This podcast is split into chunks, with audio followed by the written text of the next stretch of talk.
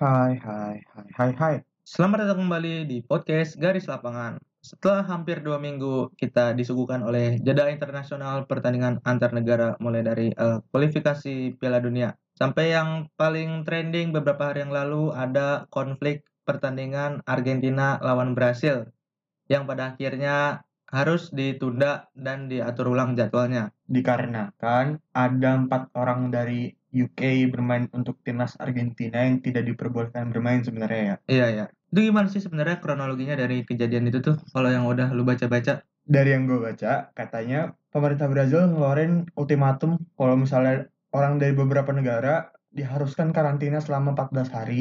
Termasuk dari Inggris ini ya, dari Salah UK ini. UK ini, dari Inggris. Nah, dikarenakan belum karantina selama 14 hari, empat pemain tersebut sebenarnya tidak diperbolehkan untuk bermain. Itu ada ada siapa aja tuh empat pemain itu kan dari tim Premier League semua emang ya? Iya, ya, ada Christian Romero, Buendia, Emiliano Martinez, sama Giovanni Lo Celso. Itu emang Premier League semua sih. Iya kan, dua dari Spurs, Iya. satu dari Aston Villa, Iya iya. satu lagi, eh dua dari Aston Villa ya, Iya si Martinez sama, sama, si Buendia, Buendia ya ya. kan. Nah, habis itu akhirnya pertandingannya diberhentikan karena setelah lima menit pertandingan berjalan, Baru lima menit tuh ya padahal baru ya. lima menit, bener-bener. Tapi setelah pertandingan loh ini anehnya. Iya. Nah, ada satgas dari Brazil namanya Anvisa datang ke lapangan buat ngeberhen- ngeberhentiin pertandingan dan ngebawa keluar empat orang tersebut. Dan akhirnya ngebuat Argentina merasa tidak dihormatin lah. Ibaratnya udah udah datang nih. Padahal udah nginep beberapa hari gitu ya di Iya. Brazil. Udah hari H pertandingan bahkan udah main Ibarat kata beberapa bukan, menit iya, kan. bukan hari pertama dia di Brazil. loh. Brazil ya iya. Udah beberapa hari di Brazil, malah pas hari pertandingan disuruh perginya. Ibarat kata dideportasi lah ya Hmm, udah dideportasi kan malah katanya dari Hmm. Argentina. Eh dari Brazil dari Brazil. Nggak tahu balik ke Argentina, nggak tahu langsung ke atau UK. ke Inggris kan ya. Ya, jadi akhirnya pertandingannya ditunda. Iya ditunda sampai ya mungkin jeda internasional berikutnya kan. Ya. Nah, walaupun gagal bertanding lawan Brazil, tapi di pertandingan melawan Bolivia tadi pagi, Messi berhasil mencetak hat-trick dan melewati rekor Pele sebagai pencetak gol terbanyak di CONMEBOL. Uh. Sebanyak 78 gol nih. Berarti nyaingi Ronaldo ya sama-sama mecahin rekor dua-duanya Iya. kan. Kemarin Ronaldo mencetak rekor di Eh, pertandingan iya, lawan lawan Irlandia Utara. Irlandia Utara. Iya, nyetak dua gol juga Dua kan gol. Walaupun tadinya sempat gagal penalti ya. di awal-awal ya. Iya, Padahal bisa sama-sama hat-trick loh, keren Iya. banget padahal. Rekor di menit 89 sama menit 96 tuh Ronaldo kan. Itu menit-menit krusial semua. Iya, Ya, walaupun bisa dibilang epic epic comeback ya. iya nyaris kalah kan tadinya Iya, tuh 1-0 Portugal. Keren sih. Ronaldo, Messi mencapai rekor di jeda internasional yang sama. Sama. Sama-sama pindah klub di bursa transfer yang sama. Iya. Messi Kalau- ke PSG, Dan Ronaldo ke MU. Dan rencananya minggu ini bakal jadi minggu yang ditunggu-tunggu oleh penggemar Manchester United. Pada rencananya Ronaldo akhir pekan nanti bakal debut main di Old Trafford saat main lawan Newcastle United. Wah, ini langsung nih eh, pengguna Mola TV langsung naik nih jumlah pelanggannya nih. di antara Mola TV atau enggak bajakan Oh, enggak lah, jangan lah. Kita harus nonton di platform yang legal. nggak boleh bajakan ya. Benar, Nggak benar. boleh, nggak boleh. Mola TV ditunggu kontaknya ya. Ya boleh. Ada emailnya. Oh ya, oke. Eh, gimana kira-kira debut Ronaldo nanti waktu lawan Newcastle? Apakah dia bakal langsung talk chair, bakal langsung in sama permainan MU di bawah kepelatihan seorang Ole Gunnar Solskjaer? Yang pertama pasti ekspektasinya bakal tinggi banget Oh ya. iya kan, Maksudnya kan kan legenda kan balik dia ke rumah kan. balik ke rumah gitu kan. Apalagi kan. Ronaldo lah yang Iya, balik ke rumah bukan Cristiano kayak Ronaldo. bukan kayak pemain-pemain biasa lah. Iya, iya benar-benar. Mega bintang balik ke rumah ya pasti seenggaknya ekspektasinya nyetak gol atau enggak yang nyetak gol ya Ronaldo mah pasti Ya minimal mainnya oke lah kan mungkin ekspektasinya kan bukan sekedar nunggu di depan gawang ya seenggaknya skill-skill gitu juga dribble kan? dribble karena kan dia udah meninggalkan kesan yang indah di Manchester United be- beberapa tahun yang lalu kan Iya, tapi kalau misalnya dibilang buat masuk ke permainannya Ole, mungkin bakal belum lah ya. Bisa dibilang kan permainannya sebelumnya di Juventus sama Pirlo ya.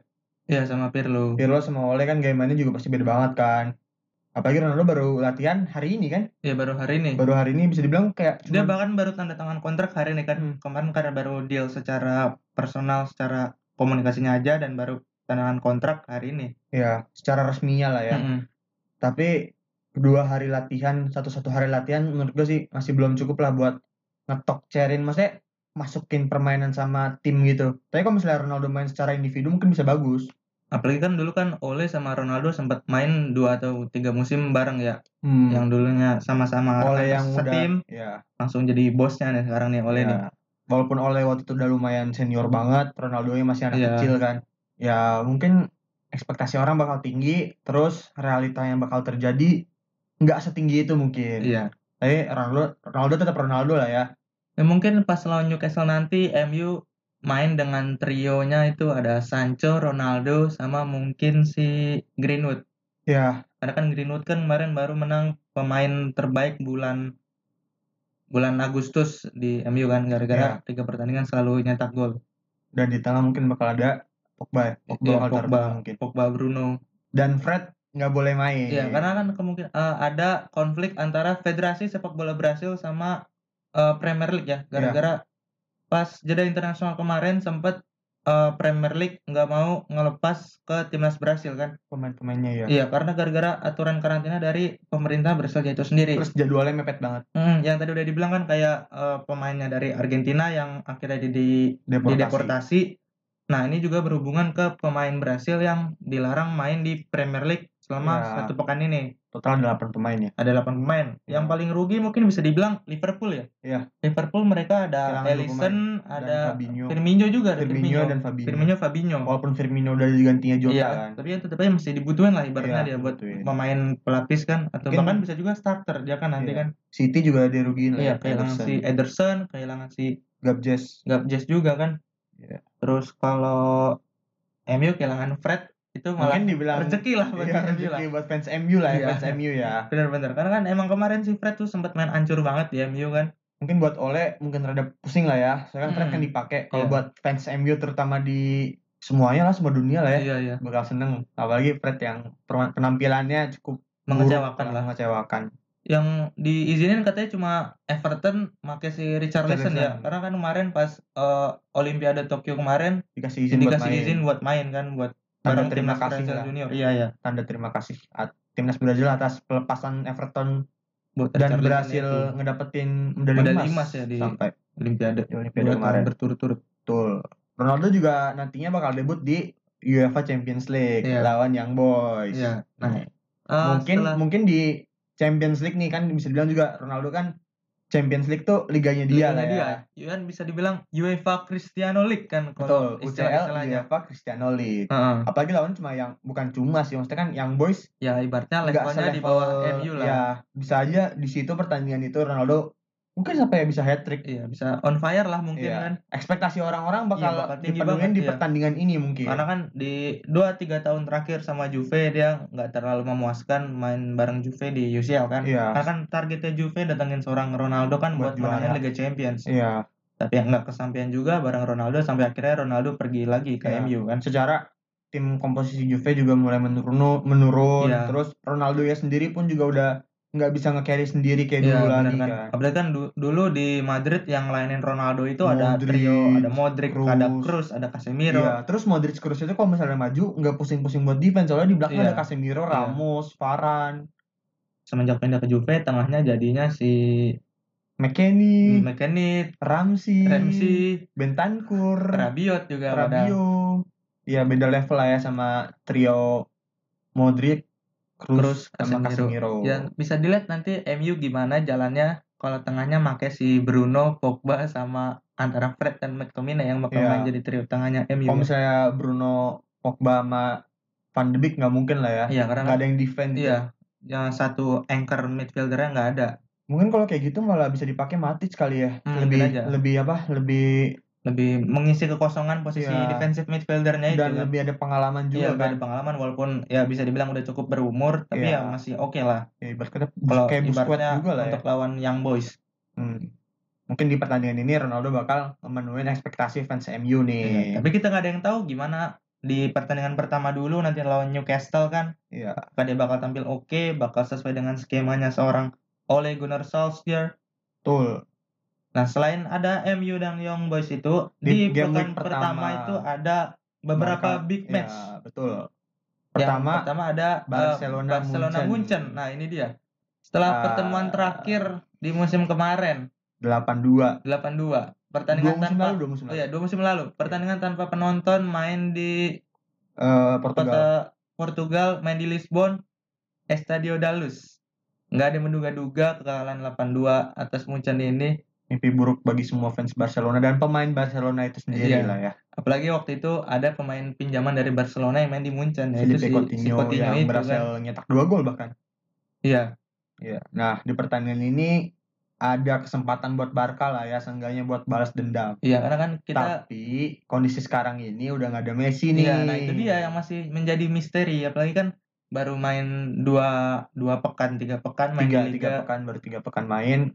Ya walaupun tiga pekan awal hasilnya cukup memuaskan, tapi kan Liga Iya. Champion beda cerita lagi lah Iya, ya. apalagi kan Kuman masih nyari-nyari starting line up Iya. yang cocok siapa nih? Apalagi Skema yang cocok iya. kayak gimana nih? Apalagi kan baru kedatangan Luke pemain Jong. baru, baru kehilangan Griezmann juga Iya. kan. Ini bener-bener bisa dibilang juga dari skuad pekan ketiga kemarin skuad sekarang nih beda lagi. Udah udah beda lagi ya. Iya, sekarang Griezmann kemarin starter terus. Sekarang Luke De Jong mungkin bisa jadi tipe-tipenya Lewandowski Iya, gitu mungkin. jadi opsi baru juga. Iya, jadi kayak target man bener-bener.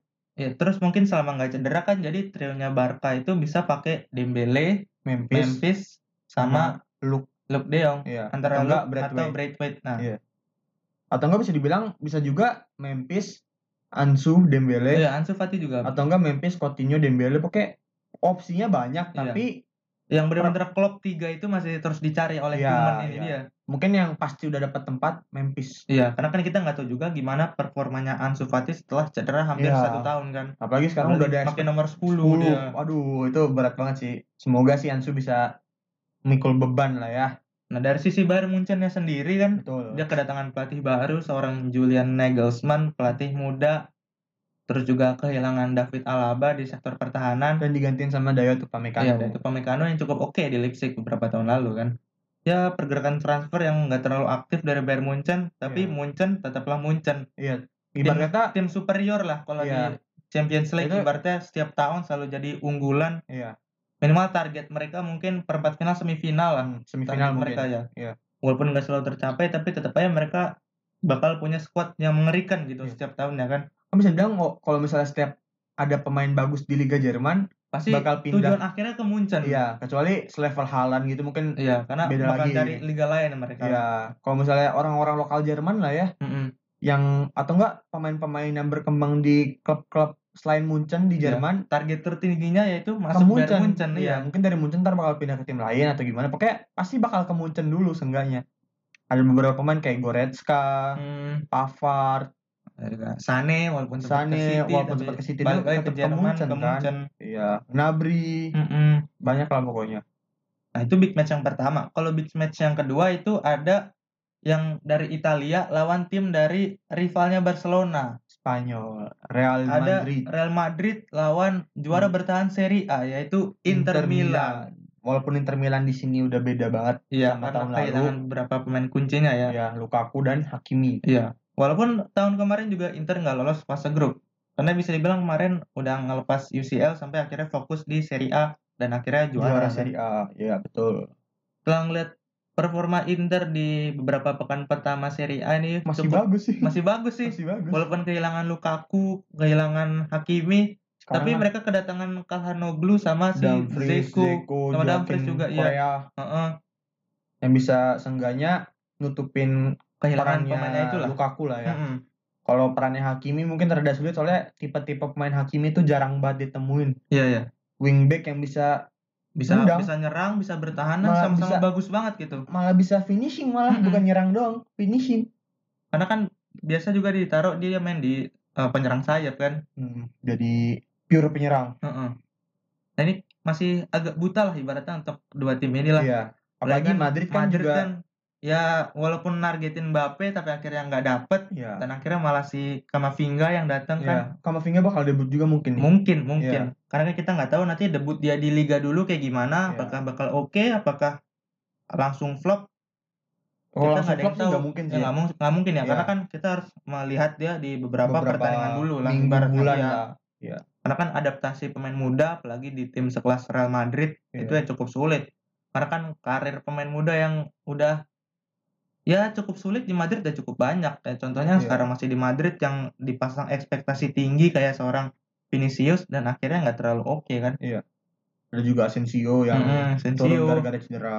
ada Rodrigo juga di sana. Ada Isco malah yang Ya Isco, yang yang kemungkinan yang bisa dibilang formnya bisa balik lagi nih musim ini semoga Hmm. sih. karena kan trionya Madrid di bawah Ancelotti sekarang itu ada Benzema, Benzema, ada Gareth Bale, Gareth Bale sama Hazard. Eden Hazard. Kalau misalnya si Hazard ini sehat-sehat aja ya. Tapi kalau misalnya tiga penyerang itu bisa balik ke performa terbaiknya sih Madrid bakal serem banget sih. Apalagi kan Bale setelah musim kemarin dipinjemin di Spurs dia cukup menunjukkan Iya. ya sekali-sekali dia bisa main bagus banget di sana kan sempat nyetak hat trick juga Iya, di sana. betul. Jadi Inter lawan Real Madrid ini pertandingan yang cukup abu-abu lah ya, Iya, masih susah masih ditebak. ya masih buta lah kekuatan antar kedua tim setelah kedatangan pemain baru dan Iya. kehilangan pemain yang Kalau di Inter permasalahannya Iya. di pemainnya baru bisa dibilang, kalau di Madrid pelatihnya masih baru walaupun belum bukan baru-baru banget ya, tapi kan karena udah udah jilid keduanya Iya. Ancelotti lah di Madrid. perubahan sistem dari Zidane ke Ancelotti kan juga pasti beda kan. Iya, karena kan pemain yang ada dulu dia megang waktu 2014, ada Iya. beberapa udah berganti sekarang Nggak kan. semuanya sama. Iya, Mungkin yang sama cuma Marcelo, Gareth Bale, Benzema, Modric. Modric. karena dulu kan di Casemiro. Ancelotti waktu megang itu belum ada si Toni Kroos ya. Oh, belum ada. ya? Belum ada. Baru musim terakhir Ancelotti Musim itu musim Toni Kroos kan? datang aja. Iya, dari Dan di musimnya Kroos datang itu ya nggak terlalu oke hasilnya karena waktu Iya. itu Barcelona jago banget tuh Ya, pas lagi 2014 panas-panasnya 2015. MSN lagi Mm-mm. gila-gila kan. Kalau Madrid Inter berarti Inter ada juga rivalnya Milan. Milan. Milan main lawan Liverpool. Ini Nah, ini sejarah banget pertandingan nih. klasik banget ini. Final UCL 2005 sama 2007. Bener banget. 2005 Miracle of Istanbul, Milan unggul 3-0 sampai akhirnya dibalikin 3-3 dan akhirnya kalah adu penalti lawan Liverpool. Dan akhirnya dibalesin sama Milan tahun 2007, dua gol dari Pippo Inzaghi.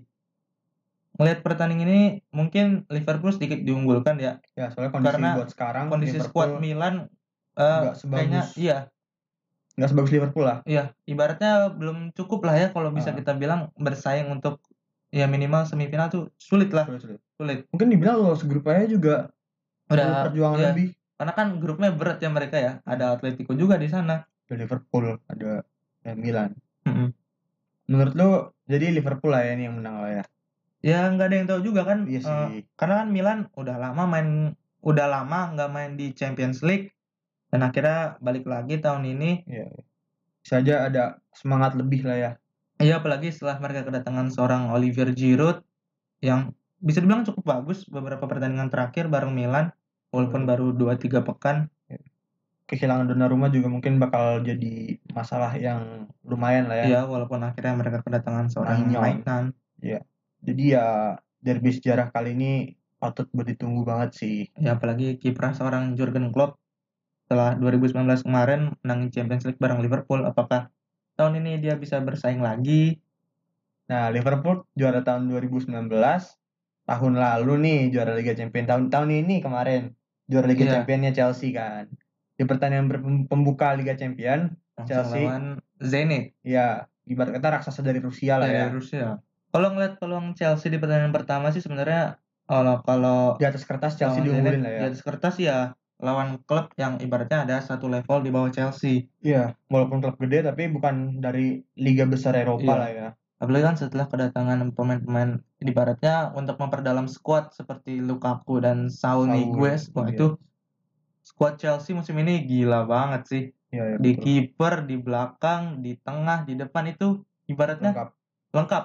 Pemain utama sama pemain cadangannya itu ibaratnya satu level semua lah. Ya, bisa dibilang sikut-sikutan buat Mm-mm. masuk starter lah. Kan di tengah mereka biasa main pakai Kovacic, Kante, Jorginho. Sekarang ketambahan seorang Saul. Wah, itu gila banget sih. Makin-makin. Apalagi bisa dibilang sekarang Mason Mount bakal dimundurin jadi pemain tengah juga mungkin. Iya, mungkin juga jadi gelandang serang Soalnya kan kan dia. ada kedatangan Lukaku, terus masih ada Ziyech, Pulisic, Werner, Hmm, Werner juga. Havertz. Havertz.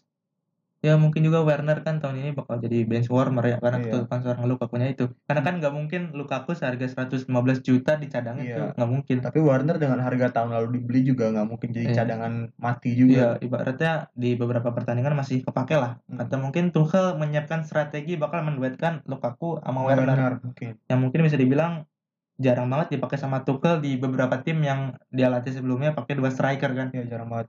Apalagi tapi eh, start untuk striker Lukaku dan Werner ini tuh Tipenya tipe- beda, tipenya beda tipenya banget beda, iya. kan.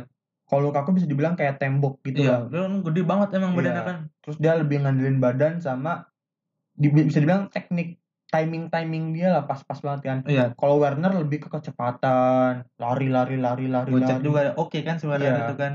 Bisa dibilang sebenarnya Werner musim lalu juga cukup baik sebenarnya Iya. statistiknya. Enggak enggak seburuk yang dikatakan Enggak, oleh media-media itu kan. Bisa dibilang baik, bagus malah. Iya, walaupun kadang finishingnya emang anjlok Ya sih. karena sebenarnya karena finishing finishingnya itu yang Iya, kadang-kadang yang suka jadi suka viral itu Iya, dia yang jadi diangkat dibilang- oleh iya, media-media ya itu. jadi dibilang jelek. Jadi me- menunjukkan stigma dia yang akhirnya jadi jelek di mata Ya, apalagi ya dengan harga yang cukup tinggi kan. Iya. Masa pemain mahal finishing depan gawang gitu Iya. boleh ke mana ya Hmm. kan?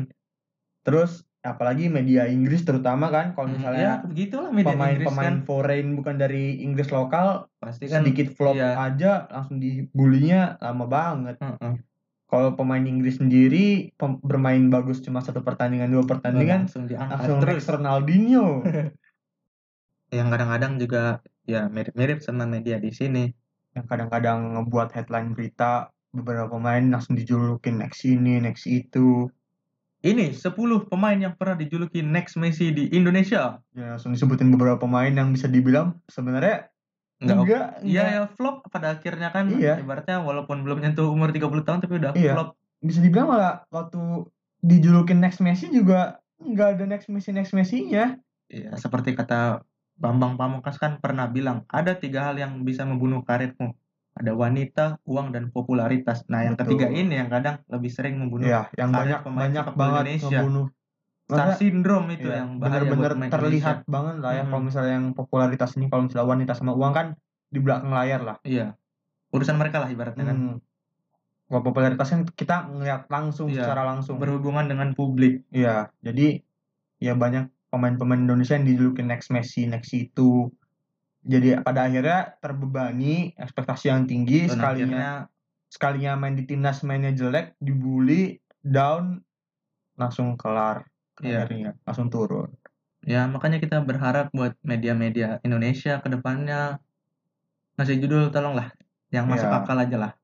Atau Yang enggak, sesuai fakta aja lah. iya, atau enggak kalau mau yang ngebuat si pemain tersebut bisa makin semangat. Iya, isinya kalau bisa kritisi terus sampai Iya. akhirnya yang membangun dia. Ya, kalau ya kritik hmm, jangan jangan kritisi terus sih kayak Tapi kritik sama kritik pujiannya seimbang lah. iya, tapi kritik yang sifatnya membangun. membangun jangan Iya. kritik hinaan yang bisa ngebuat seseorang sampai mental illness Nah, itu down bahaya itu, Itu- jadinya justru jadi bumerang juga buat pemain itu Iya. sendiri kan. dan ya netizen Indonesia sendiri bakal dicap sebagai orang-orang yang bisa dibilang berani lewat belakang media doang Keyboard warrior keyboard dibilang ya, warrior kebanyakan. kan dan toxic pula apalagi Iya. kan ya semoga lebih baik lagi lah media-media dan netizen ada juga kemarin ngomongin media Indonesia nih ada berita Indonesia yang sampai masuk media Spanyol Marka, Marka. Marka ini kan bisa dibilang media yang Media cukup besar banget populer ya. Besar banget Berita-berita transfer Liga Spanyol kan kadang Hmm. dari situ sumbernya ya.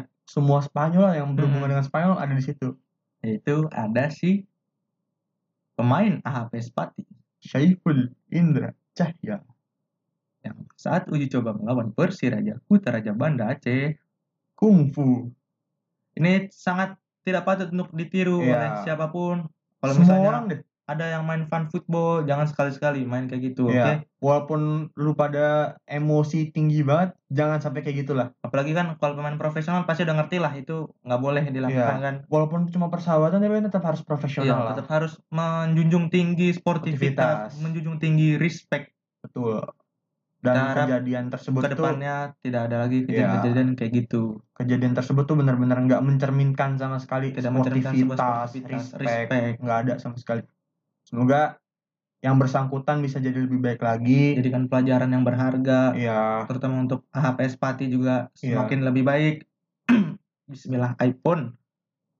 Ya udah segitu aja episode kali ini seputar jeda internasional dan akhirnya minggu ini balik lagi liga-liga Eropa. ya, Jangan lupa dengerin terus podcast Garis Lapangan. Jangan lupa di follow juga Instagramnya @garislapanganid. Sampai jumpa, bye bye.